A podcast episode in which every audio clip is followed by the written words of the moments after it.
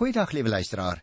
Ons het verlede keer met mekaar gesels oor die opstanding van die Here Jesus Christus, dat daar ook mense in ons tyd is wat dit betwyfel en dat dit ons nie hoef te laat skrik nie want reeds in die tyd van die Nuwe Testament was daar mense wat eenvoudig radikaal ontken het dat Jesus werklik uit die dood opgestaan het. So dit is nie vir ons nuut om sulke ketterye te hoor nie. Nou vandag gaan ons bietjie verder by 1 Korinte 15 van die 12de versie af en daar sal jy sien word gehandel oor die opstanding van die dooies. Nou wil ek dadelik sê voordat ons mekaar daaroor gesels, die eh, kern van die dwaling waaroor dit hier gegaan het, was waarskynlik onder die invloed van die Griekse denke. En dan het mense daarvolgens geglo dat dit nie nodig is dat die liggaam opgewek word nie, omdat dit eintlik nie by die siel hoort nie en slegs 'n gevangenes van die siel sou wees. Jy sal onthou ook miskien dat die uh, Griekse uh, filosoof Sokrates was sy naam. Hy het uh, die duidelike skeiding, dualistiese skeiding gemaak tussen die siel van die mens en die liggaam van die mens. En die beskouing onder baie van die Grieke was dan ook dat alles wat goed is, alles wat rein is, alles wat loflik is, dit het met 'n mens se siel te maak. En alles wat met jou liggaam te maak het, is aards en sondig en vuil. En daarom is die siel beskou as die rein gedeelte van menswees wat binnekant die liggaam sit en wat as dit ware net deur die klein venstertjies van die oë na die buitewêreld mag kyk. Nou ons ken natuurlik as Christus gelowiges volgens die Bybel nie daardie skeiding nie, want ons behoort aan die Here as 'n geheel. Uh, ons sing dit soms gees, siel en liggaam. Ons verstaan nie presies hoe daardie samevoeging werk nie, maar die Here verlos nie net ons siele. En dan kan ons maar met ons liggame maak en lewe net soos wat ons wil nie. Ons behoort met gees en liggaam aan die Here. En nou gaan dit in hierdie gedeelte oor die opstanding van die dooies, want jy sien, die opstanding van Christus was dus net 'n uitsondering op die reël. Eendag gaan ons almal ook met nuwe liggame opstaan. Nou kom ek lees dan hierso die 12de versie in 1 Korintiërs 15. As ons dan verkondig dat Christus uit die dood opgewek is, hoe kan party van julle nog beweer dat daar geen opstanding van die dooies is nie? Jy sien liewe luisteraar, die Grieke het nie geglo dat iemand se liggaam na die dood weer opgewek kan word nie. Hulle het gemeen dat slegs die gees van die mens weer lewendig kan word. Die liggaam is bloot as 'n lastige draer van die gees beskou, soos ek jou net verduidelik het, 'n tronk van die gees, as ek dit so mag uitdruk. By die dood word die gees dan bevry van die liggaam. Is eintlik net die liggaam wat sterwe. Daarom kon baie van die Grieke natuurlik nie die liggaamlike opstanding van die Here Jesus wat aan hulle verkondig is aanvaar nie. Luister na vers 13 en 14 as daar geen opstanding van die dooies is nie. Onthou dis Paulus wat nou aan die woord is. Hy sê as daar geen opstanding van die dooies is nie, beteken dit dat Christus nie opgewek is nie. En as Christus nie opgewek is nie, is ons prediking sonder inhoud en julle geloof ook sonder inhoud. Nou wil ek dadelik weer sê, ons moet dit nou sien, hierdie opmerkings van die apostel, teen die lig van die gedeelte wat ek in die vorige program behandel het waar hy gesê het hy staan en val by die opstanding van Christus nou gaan hy 'n stapie verder en sê as Christus nie opgestaan het nie dan was daar geen sin in dat ek die goeie boodskap aan julle verkondig het nie hy sê Jesus se opstanding bevestig juis alles wat Jesus self gesê het Dit bevestig ook dat diegene wat in hom glo net so sal opstaan soos hy opgestaan het. Sodoende het die Here Jesus die dood oorwin en ons saam met hom. Nou goed, kom ons kyk na vers 15 tot by vers 19. Verder sou dit beteken dat ons vals getuienis oor God afgelê het, omdat ons teen God ingetuig het dat hy Christus opgewek het as dit dan waar is dat die dooies nie opgewek word nie, het hy Christus ook nie opgewek nie. As die dooies nie opgewek word nie, is Christus ook nie opgewek nie. En as Christus nie opgewek is nie, is julle geloof waardeloos en is julle nog gevange in julle sondes. Dan is ook die wat in Christus gesterf het verlore. As ons net vir hierdie lewe ons hoop op Christus vestig, is ons die bejammeringswaardigste van alle mense. Jy sien liewe luisteraar, ek wil net dit weer eens vir jou uitwys. Paulus sê as Christus nie opgestaan het uit die dood nie, dan is alles wat hy verkondig te vergeefs, dan is ons geloof te vergeefs. En daarom hoef ons ons ook nie te steur vir die mens wat in ons tyd so baie oor hierdie dinge soms besig is om te karring nie.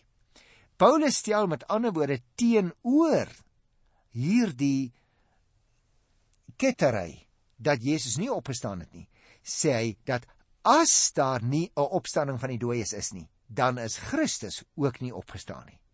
Die gevolg van so 'n beskouing, sê hy, is dat die geloof van die Korintiërs dan waardeloos is, dat hulle nog in hulle sondes is.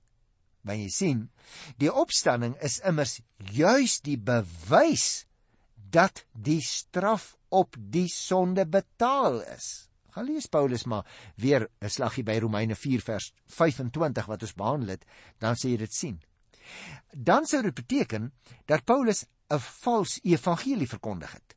Dat die gelowiges wat in Christus gesterf het, verlore is en dat almal wat nog lewe en in Christus glo, die mees bejammeringswaardige mense van alle tye is omdat hulle eenmaal ook sonder hoop sal sterwe, net soos die ongelowiges, nadat hulle hulle in hierdie lewe baie dinge ontsê het, juis ter wille van die geloof. Dit is dus baie belangrik, liewe luisteraar, dat ons sal verstaan hoekom Paulus sê dat hulle dan die mees bejammeringswaardige mense sal wees. Hoekom sou hy dit sê? In daardie tyd het bekering tot die Christendom dikwels beteken dat 'n mens vervolg is deur jou vriende en dat jy deur jou familie verwerp is. Dit kon natuurlik lei tot groot armoede. Dit was dus beslis nie op 'n wêreldse vlak vir enigiemand voordelig om 'n Christen te wees nie en geen gelowige is daardeur in die samelewing begunstig nie. Dit is egter nog belangriker om te onthou dat geen Christen verlossing van die sonde en gevolglik ook die ewige lewe sou ontvang het as Christus nie uit die dood opgestaan het nie. Met ander woorde, daarom sê hy, as Christus nie opgestaan het nie, is julle wat dit aanvaar, die mees bejammeringswaardige mense van alle tye. Jy sien, jy en ek, liewe broer en suster, ons bestaan as gelowiges, staan en val juis by die opstanding van die Here Jesus. Hy het die eersteling geword en net so sal ons die ander ouens ook opstaan op die groot dag van die Here. Kom ons lees nou hier vers 20 tot by vers 22. Dis wonderlike goed hierdie wat die apostel sê. Hy sê: "Maar nou Christus is opgewek uit die dood as eersteling uit die wat gesterf het aangesien die dood deur 'n mens gekom het, het die opstanding van die dooies ook deur 'n mens gekom. Net soos almal deur hulle verbondenheid met Adam sterf, so sal almal in Christus lewend gemaak word. Ah, wonderlike toekomsperspektief wat die apostel hier gee en hy sê juis op grond van Christus se opstanding weet ons dis nie maar 'n pie in the sky nie.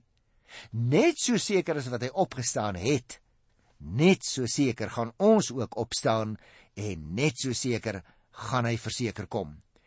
Jy sien, teenoor die beweringe van die dwaalleer en die tragiese gevolge daarvan, stel Paulus die historiese feit van die opwekking van Christus uit die dood en die heerlike toekoms wat daaruit vir jou en vir my as Christene voortvloei.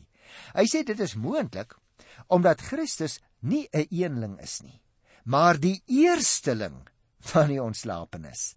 Nou dis belangrik want die term eersteling is aan die oes ontleen en dit dui die voorloper van die volle oes aan. So is Christus die waarborg van die opstanding van die ontslapenis, want Christus is nooit sonder sy gelowige volk nie. Die verbondenheid van Christus met die wat aan hom behoort, rus in die verbondenheid wat God in die mensdom gelê het deur Adam as hoof van die mensheid te stel. Paulus se argument is in kort dit: Deur Adam se sonde het die dood tot almal deurgedring, ja, maar deur Christus se opstanding word almal wat aan hom verbonde is uit die dood opgewek. Die dood het gekom met ander woorde as gevolg van Adam en Eva se sonde.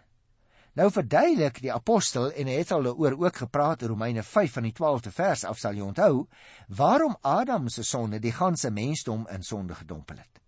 Hy sê ook daar in Romeine 5 wat hy hier sê dat die dood en die sonde na alle mense uitgekring het na daardie eerste sonde. En dan vergelyk hy nou hier Adam se dood met Christus se dood. Hy sê Christus se opstanding is egter vir almal wat in hom glo weer die nuwe lewe. Luister nou na vers 23. Hy sê maar daar is 'n volgorde. Die eersteling is Christus. Daarna by Christus se koms die wat aan hom behoort. Wat beteken dit in gewone Afrikaans? Ek nou baie gesit en dink, hoe moet ek nou sê wat bedoel die apostel hier? Ek sou so sê: Alle Christene word aan die geloof broers en susters. En daarom is ons ook deel van die huisgesin van die Here Jesus. Ons gesinshoof is die hemelse Vader self. En daarom het ons ook almal deel aan die opstanding van die Here Jesus. Christus het uit die dood opgestaan en daarom het ons ook nou die sekerheid dat elke gelowige net soos hy sal opstaan. Die opstanding vind in 'n baie interessante en bepaalde orde plaas. Het jy dit opgemerk? Die teks sê: "Eerstens vind die opstanding van Christus plaas. Daarna die van die tweede groep. Met ander woorde, die wat aan hom behoort by sy wederkoms. Die orde is dus belangrik. Jy en ek kan nie opstaan as Christus nie opgestaan het nie. Maar omdat hy opgestaan het, sê Paulus, weet ons ons gaan ook opstaan. Nou lees ek vers 28 en 29. Daarna eers kom die opstanding. Jy sien dis die volgorde. Nommer 1. Christus het opgestaan. Nommer 2. Dan gaan ons ook opstaan. En eers dan Derdens, eers dan kom die einde, hy sê, wanneer Christus die koningskap aan God die Vader oordra, nadat hy elke mag, elke gesag en krag vernietig het. Hy moet as koning heers totdat die Vader al sy vyande aan hom onderwerp het. Die laaste vyand wat vernietig word, is die dood. Daar staan immers geskrywe en nou al die Here Jesus aan. Alles het hy aan Christus onderwerp. Maar, nou skryf hy verder, as die skrif dan sê dat alles aan Christus onderwerp is, is dit duidelik dat die Vader wat alles aan Christus onderwerp het, uitgesonder is. Wanneer alles dan aan die Seun onderwerp is, sal hy hom ook self onderwerp aan die Vader wat alles aan hom onderwerp het. So sal God alles wees vir almal.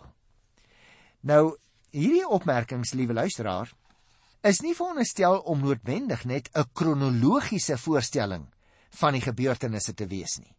Daar word ook geen vasgestelde tyd aan hierdie gebeure van die wederkoms byvoorbeeld gestel wanneer almal gaan opstaan nie. Paulus lyk dit vir my wil hier slegs die aandag van sy lesers vestig op die feit dat die opgestane Christus alle boosheid en alle sonde finaal sal oorwin ook die dood. Met ander woorde, ons is nou nog wel onderworpe aan die fisiese dood totdat hy kom, maar dan gaan ons almal opstaan uit die dood want dan is die dood oorwin. Daarna sal niemand meer fisies sterwe nie. Daar sal dus ook 'n bepaalde uiteinde wees vir alles, naamlik die volkomme erkenning van God as die enigste heerser oor alles wat bestaan. As ek dit op 'n ander manier mag sê, so 'n bietjie andersom miskien, Christus se wederkoms en die opstanding van die gelowiges dui ook die einde van hierdie bedeling aan soos wat jy en ek dit nou ken, uh, en wat dan sal begin met die met die opstanding van Christus. Hierdie bedeling luisteraars word gekenmerk deur die verwerkliking van die koninkryk van God, deurdat aan Christus uiteindelik al die mag gegee gaan word om al die vyande, om al die geestelike magte, om elke individu wat teen God in opstand was, finaal te onderwerp wanneer hy weer kom. Wanneer al die magte onderwerp is, sê Paulus, dan eers sal ook die laaste vyand, naamlik die dood, onderwerp word en vernietig word. So staan die heerlike betekenis van die opstanding in 'n baie skerp kontras met die droewige einde as Christus nie opgestaan het nie. Daarom dat die apostel soveel klem lê op die feit dat omdat Christus opgestaan het, daarom sal ons ook eendag opstaan. Nou luister nou na vers 29. En nou as die dooies glad nie opgewek word nie. Wat wil die mense bereik wat hulle verdooies laat doop? Waarom laat hulle hulle nog verdooies doop? sien sommige Christene van daardie tyd is klaarblyklik gedoop ten behoewe van die wat gesterf het. Hulle het nou gedink as my oupa of my ouma dood is en Dit was nou voor die tyd van Here Jesus en hy of sy is nie gedoop nie, gaan ek my nou laat doop in daardie een wat reeds dood is se plek. Nou, uh, liewe luisteraar, ons weet niks verder omtrent hierdie gebruik nie, maar hieruit blyk dit tog baie duidelik dat hulle aan die opstanding geglo het. Paulus het hom hier nie spesifiek ten gunste van die gebruik uitgespreek nie maar het dit slegs as voorbeeld gebruik om sy argument te staaf, naamlik dat die opstanding 'n werklikheid is. Hy gee dus geen opdrag hier en ons lees dit ook nêrens in die Bybel nie dat 'n mens jou kan laat doop ter wille van iemand wat reeds dood is nie. Dit kan nie gebeur nie. Kom ons kyk vers 30 tot 34. En ons ook Waarom stel ons ons dan van uur tot uur aan lewensgevaar brood? Elke dag word ek deur die dood bedreig. Ja, broers, dit is waar. Net so waar as julle my trots is in Christus Jesus ons Here. As ek hier in Efese as bloot sterflike mens soos teen wille diere geveg het, wat het ek daarmee bereik? As die dooies nie opgewek word nie, Laat ons eet en drink wat môre sterf ons. Nou haal hy 'n aanhaling aan wat baie bekend was by die Korintiërs se verskillende filosowe. Maar hy sê by vers 30: Moet julle nie langer laat mislei nie. Slegte geselskap bederf goeie sedes. Nou dit is natuurlik weer 'n aanhaling van die Griekse filosowe. Maar nou gebruik hy dit omdat hulle dit baie goed verstaan en hy sluit vers 34 af deur te sê kom tot besinning en moenie langer sonde doen nie. Party van julle is sonder kennis van God. Dit sê ek tot julle skande. Nou ek dink ons moet oor hierdie laaste paar versies praat want hier staan interessante dinge en ook belangrik dat ons sal raak sien dat die apostel hier so duidelik na die Griekse filosowe verwys. En sien, liewe luisteraar, geloof in die opstanding van die Here Jesus dra die Christen deur allerlei gevare. Paulus het dit in sy eie lyf gevoel, né, in Efese. Jy sal nog onthou toe hy daar teen die woede van die mense te staan gekom het. As 'n mens nie in die opstanding glo nie, dan sou jy ook nie in die hiernamaals geglo het nie. En jou daarom wind uitgeleef het in die hede. Dis wat die ingesteldheid van die heidene was. Jy moet maar uh, hierdie dag geniet. Jy moet jou lewe geniet. Want as jy dood is, gaan hy dood. Paulus laat nou die gemeente besef wat die geloof in die opstanding van die dooies daagliks beteken. Hy verklaar dat sommige hulle vir dooies laat doop.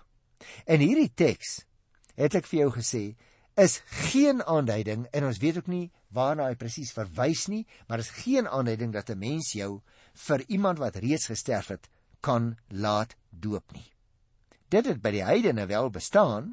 Die gemeente word egter gewaarsku om nie met sodanige mense gemeenskap te hou nie, juis weens die gevaar om geestelik ten kwade beïnvloed te word, soos die spreekwoord van daardie Griekse digter Menander ook gesê het. Dis nou kies haal sy woorde aan en hy het geleef so in die jaar 341 tot 291 voor Christus. Ek sou wou sê in die lig van wat Paulus gesê het oor die opstanding van die dooies, vermaan hy juis die wat afwyk om uit hulle heidense roes wakker te word en reg op te tree. Hulle moet nie in hulle gewaande wysheid voortgaan nie, maar insien dat hulle optrede openbaar dat hulle nog nie die kennis van God het nie. Nou as ons nou hierdie dinge in die Bybel gelees het, liewe luisteraar, Dan mag jy nou vir my vra nou, eh, broer Johan, wat is nou die dinge wat vir ons vas staan? Wat moet ons doen van al hierdie dinge sê wat soms rondom ons gesê word en gebeur? Dit lyk vir my ons kan vir mekaar op grond van wat die apostel hier sê onteenseglik sê, die opstanding van die Here Jesus het juis sy goddelikheid bevestig. Mag ek vir jou 'n vraag vra? Het jy al ooit nageslaan hoeveel dinge die Here Jesus gedoen en gesê het waaruit sy goddelikheid juis gebleik het. Byvoorbeeld, mag ek vir jou herinner aan Johannes 10 vers 30 waar hy self daarop aangespraak gemaak het dat hy God is. Of Johannes 14 vers 9: Wie my sien, sien die Vader. Maar miskien nog sterker as dit, die Here Jesus het verklaar dat hy die ewige lewe kan gee. Johannes 14:6 Ek is die weg en die waarheid en die lewe. Johannes 11:25 Ek is die opstanding en die lewe. Wie in my glo sal lewe al sterwe hy ook. Of Johannes 6:40 Dit is die wil van my Vader dat elkeen wat die Seun sien en in hom glo, die ewige lewe sal hê. En ek sal hom op die laaste dag uit die dood laat opstaan. Nou liewe luisteraar, om sulke dinge te kan doen en te sê, moet Jesus verseker meer wees as net 'n blote mens. En dit bevestig hy self finaal wanneer hy opstaan uit die graf. Dit is Paulus se hele argument. Mag ek vir jou 'n illustrasie noem? Ek wonder of jy my sal glo as ek vir jou sê ek kan 3 meter hoog spring.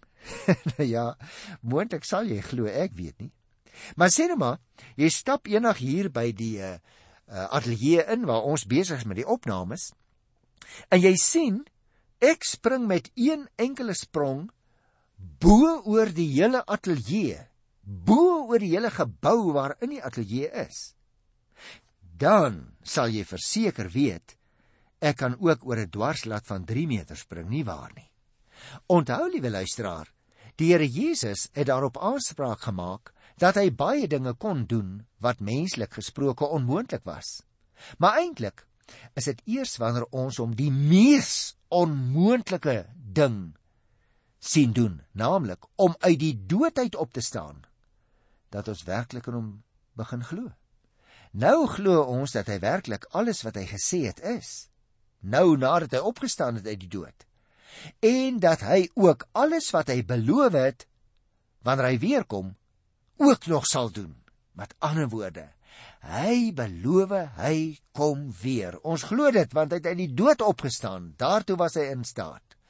Ons glo as hy vir ons sê, ons gaan ook uit die dood opstaan. Hoekom glo ons dit? Omdat hy reeds uit die dood opgestaan het. Maar eh, maar eh, Brian, mag jy miskien sê, dit klink alles vir my na 'n ou droë stuk teologie.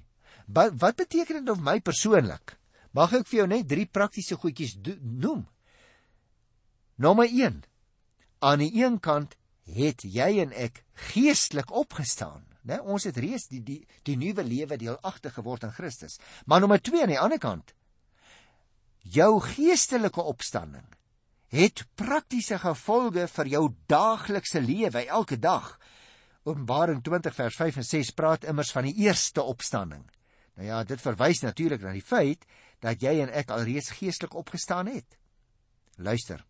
Aan die een kant Paulus sê in Efesiërs 2:6: Ja. In Christus Jesus het God ons saam met hom uit die dood opgewek. Wat beteken dit prakties?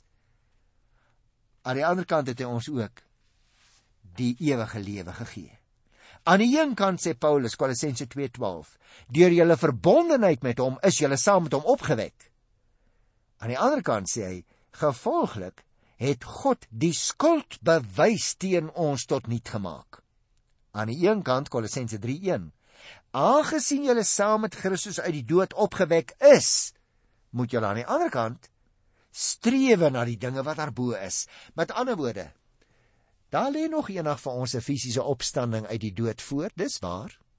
Maar in die tussentyd het ons al reeds geestelik opgestaan deur die nuwe geboorte. Laat ons dus strewe, nou reeds strewe na die dinge wat daarbo is. Lewe in die lig van die finale koms. Ek groet jou omdat jy en ek ook eendag finaal fisies met nuwe liggame gaan opstaan. Tot volgende keer. Totsiens.